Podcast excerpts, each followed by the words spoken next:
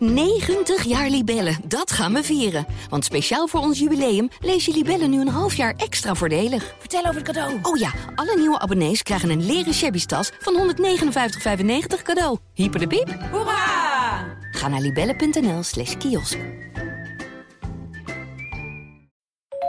Alice in Wonderland, aflevering 5. Door Marieke Hebink.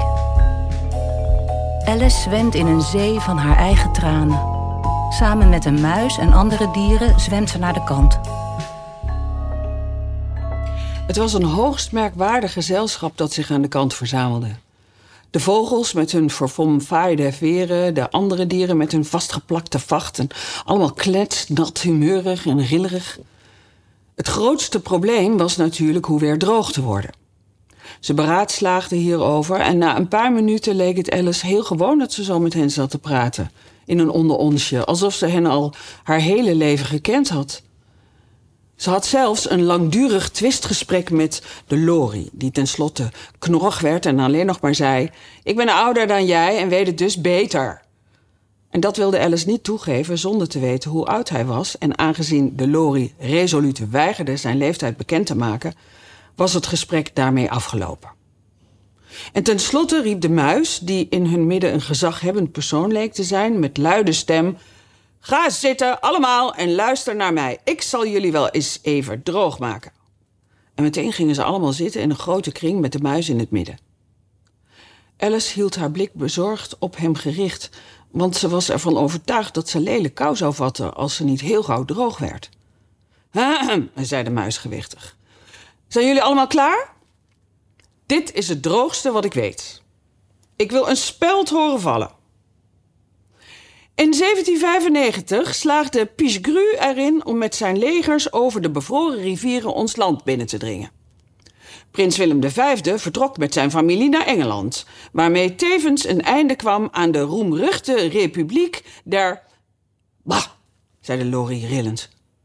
Pardon, zei de muis fronsend, maar heel beleefd. Uh, zei je wat? Ik niet, zei de Lori haastig. Oh, ik dacht het even, zei de muis. Ik ga verder. Aan de roemruchte Republiek der Zeven Verenigde Nederlanden. Nu begon de Bataafse Republiek, die haar onderdanen vrijheid, gelijkheid en broederschap beloofde. De Fransen vonden het echter raadzaam. Vonden wat? zei de eend. Vonden het, antwoordde de muis nogal gemelijk. Je weet toch wel wat het betekent? Ik weet heus wel wat het betekent als ik iets vind, zei de eend. Meestal is het een kikker of een worm. De vraag is, wat vonden de Fransen?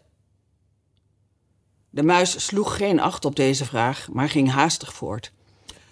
Vonden het echter raadzaam zich geducht te laten betalen voor hun aandeel in de geboorte van de nieuwe staat. De vreugde was dan ook van korte.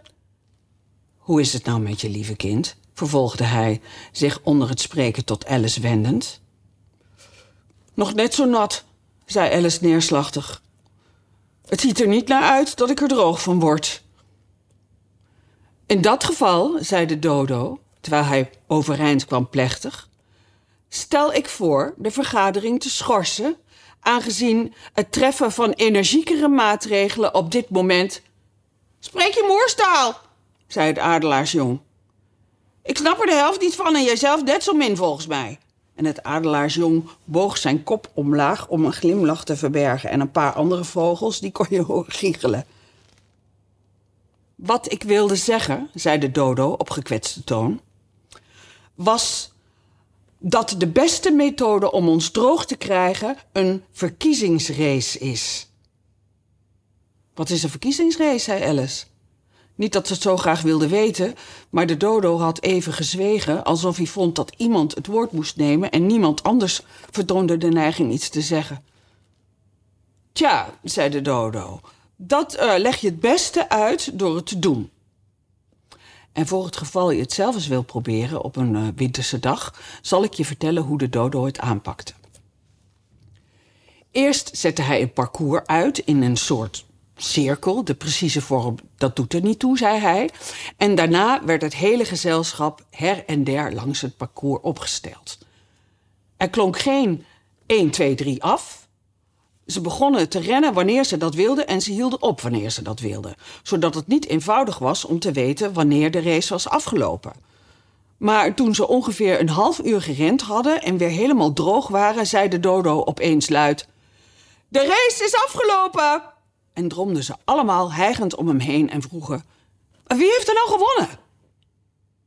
Die vraag kon de dodo niet beantwoorden zonder een hoop denkwerk en een hele tijd zat hij zo met één vinger tegen zijn voorhoofd gedrukt. de houding waarin je beroemde schrijvers gewoonlijk ziet op plaatjes. En terwijl de anderen stil afwachten. En tenslotte zei de dodo... Iedereen heeft gewonnen en elk krijgt een prijs.